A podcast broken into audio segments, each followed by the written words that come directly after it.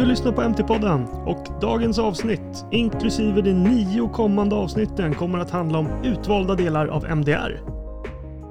Ni som har lyssnat på MT-podden lite längre kanske kommer ihåg att vi publicerade ett avsnitt om MDR för ett bra tag sedan. Närmare bestämt under 2020. Och eftersom både vi och de allmänna tolkningarna om MDR har utvecklats så känner vi att vi ville göra om det långa och svårlyssnade avsnittet till något lite mer pedagogiskt med lite nyare tolkningar. Under denna miniserie med totalt 10 avsnitt kommer vi att köra ett par crash courses inom utvalda delar ur MDR som riktar sig till dig som arbetar som medicintekniker på sjukhus eller på fältet och som inte har någon större förkunskap i de ämnena vi tar upp. Jag börjar med en kort introduktion om vad MDR är och sen kommer jag att berätta vad en harmoniserad standard är, vad en gemensam specifikation är och till sist lite om vad MDR kräver i form av kvalitetsledningssystem eftersom det är en sak som det ställs krav på från många olika håll i MDR och även från de svenska föreskrifterna som publicerats under 2021. I de resterande avsnitten i miniserien kommer du få höra Elina, Johan och Nicole prata om följande ämnen i den här ordningen. Säkerhet och prestanda. UDI. Skyldigheter för ekonomiska aktörer. Person med ansvar att regelverket efterlevs. Egentillverkning. Specialanpassade produkter. Klassificering av medicintekniska produkter. Och det kommer vara uppdelat i två avsnitt. Och till sist försäkran om överensstämmelse. Vad är då MDR? Det står för Medical Device Regulation och det är den förordning som gäller för medicinteknik i hela Europa. Den har bland annat som syfte att säkerställa att den europeiska marknaden för medicintekniska produkter fungerar smidigt med hög hälsoskyddsnivå för patienter och användare med beaktande av små och medelstora företag som är verksamma inom den medicintekniska sektorn. MDR ställer alltså höga krav på kvalitet och säkerhet gällande medicinteknik och om du gör en snabb sökning i den svenska versionen av MDD så nämns ordet säkerhet 22 gånger och vid samma sökning för den svenska versionen av MDR så nämns säkerhet 349 gånger. Och även om du skulle räkna in AIMDD så bidrar denna enbart med att säkerhet nämns 14 gånger till. MDR tog över i maj 2021 Eftersom de tidigare reglerna varit aktiva sedan tidigt 90-tal så fanns det en del förändringar att önska av dessa. På grund av teknikutvecklingen så fanns det ett behov av att exempelvis förbättra hantering av mjukvaror som är eller ingår i medicintekniska produkter. MDR fokuserar mycket på transparens i branschen och lägger större vikt än sin föregångare vid saker som till exempel klinisk utvärdering, postmarket surveillance och spårbarhet.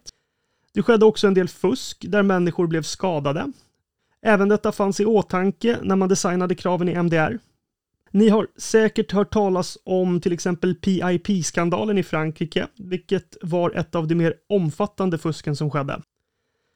Eftersom MDR är relativt ny så kan tolkningarna skilja sig lite och därför ber jag dig att inte ta allt du hör här som en sanning, bara som våra tolkningar i ett väldigt komplicerat ämne.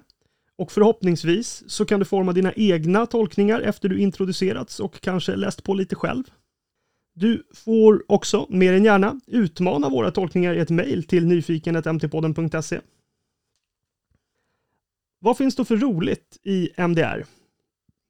För er som gillar bilder i er läsning har jag dåliga nyheter. I förordningens 175 sidor finns enbart en enda bild. Den är svartvit och visar hur C-märket ska se ut. Utöver denna fina bild hittar du till exempel definitionen av en medicinteknisk produkt. Eftersom du sannolikt redan kan den så tänker jag inte gå igenom den. Och om du mot förmodan känner dig osäker så kika i artikel 2.1. Du hittar även information om saker som vi väljer att inte ta upp i dessa tio avsnitt, men vi kanske gör något komplement i framtiden. Exempelvis så finner du saker som eh, information om och krav på anmälda organ, klinisk utvärdering och postmarket surveillance med mera. Vad är då en harmoniserad standard och en gemensam specifikation? Anledningen till att jag vill ta upp definitionerna för dessa är för att MDR säger i princip att om det är möjligt så ska du använda dig av harmoniserade standarder eller gemensamma specifikationer för att bevisa efterlevnad av MDR. En harmoniserad standard är alltså en EU-standard som är framtagen enligt de riktlinjer som är överenskomna mellan EU-kommissionen och de organisationer som arbetar med att ta fram standarderna. För att en standard ska bli harmoniserad så krävs det att den granskas och offentliggörs i EUs officiella tidning. Detta skedde till exempel för ISO 13485s version från 2016 nyligen Alltså genom att det samtidigt publicerade ett dokument som syr ihop 13485 2016 och MDR.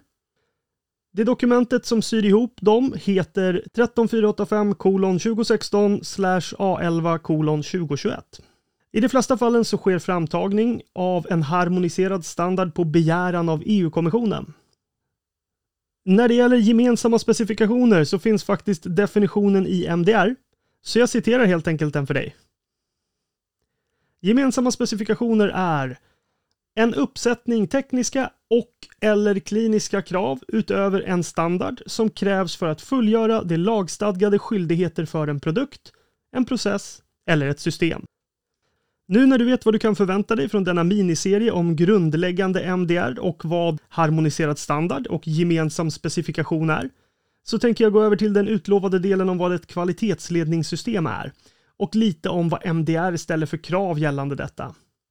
För er som längtar efter en fördjupning i kvalitetsledningssystem så kan jag glatt berätta att vi även kommer att publicera ett antal avsnitt dedikerade till just ämnet kvalitetsledning inom en snar framtid. Kvalitetsledningssystem brukar förkortas QMS efter engelskans Quality Management System. Ingen chock där antar jag? Syftet med att ha ett kvalitetsledningssystem är för att ha ett verktyg som hjälper dig att följa upp och säkra kvalitet i produkter och tjänster. Kvalitetsledningssystemet används för att på ett systematiskt sätt kunna utveckla arbetssätt och används som hjälpmedel för ledningen att styra verksamheten i rätt riktning. Socialstyrelsen förenklar syftet med ett QMS till att helt enkelt styra verksamheten så att rätt sak görs vid rätt tillfälle och på rätt sätt. Detta var då ett citat från deras introduktion till föreskriften 2011-9 som du hittar på Socialstyrelsens hemsida. Jag kommer även länka till denna sida i avsnittsbeskrivningen. Mycket bra grundläggande information där. När det kommer till kvalitetsledningssystem så handlar det såklart väldigt mycket om processer, för att uppfylla krav från både MDR och diverse standarder så krävs det att din organisation har dokumenterat dessa processer för hur du och dina kollegor utför era arbetsuppgifter. Dessa processer används då för att alla ni som arbetar ska utföra ett arbete på liknande tillvägagångssätt och med samma kvalitet. I praktiken kan ett kvalitetsledningssystem vara allt mellan något så enkelt som papper i pärmar till en större avancerad mjukvara med oändligt många funktioner det viktiga är att man har koll på dokumentationen, arbetar efter sina dokumenterade rutiner och kan bevisa detta under de revisioner som utförs både från kunder och externa revisorer om du väljer att certifiera ditt QMS. I MDR krävs det att bland annat tillverkare, importörer och distributörer har ett kvalitetsledningssystem. Det är lite olika krav på vad deras QMS måste säkerställa beroende på vilken typ av ekonomisk aktör du är. De kraven som gäller för tillverkare är såklart tyngre än för resterande av de ekonomiska aktörerna och därför går jag bara igenom just de kraven. Och bara så ni inte blandar ihop något, det här är delar av vad MDR ställer för krav. Inte att blanda ihop med den information från andra standarder som till exempel eh, ISO 9001 eller ISO 13485. Så, vad krävs då för tillverkare av medicintekniska produkter? Enligt MDR måste du som tillverkare upprätta, dokumentera och implementera ett kvalitetsledningssystem i enlighet med artikel 10.9. Kvalitetsledningssystemet ska fortsatt vara effektivt under hela produkternas livslängd och det ska även utföras revision enligt de ramarna som MDR ger. Under artikel 10.9 finns en lista med 13 punkter som berättar vad kvalitetsledningssystemet minst ska omfatta.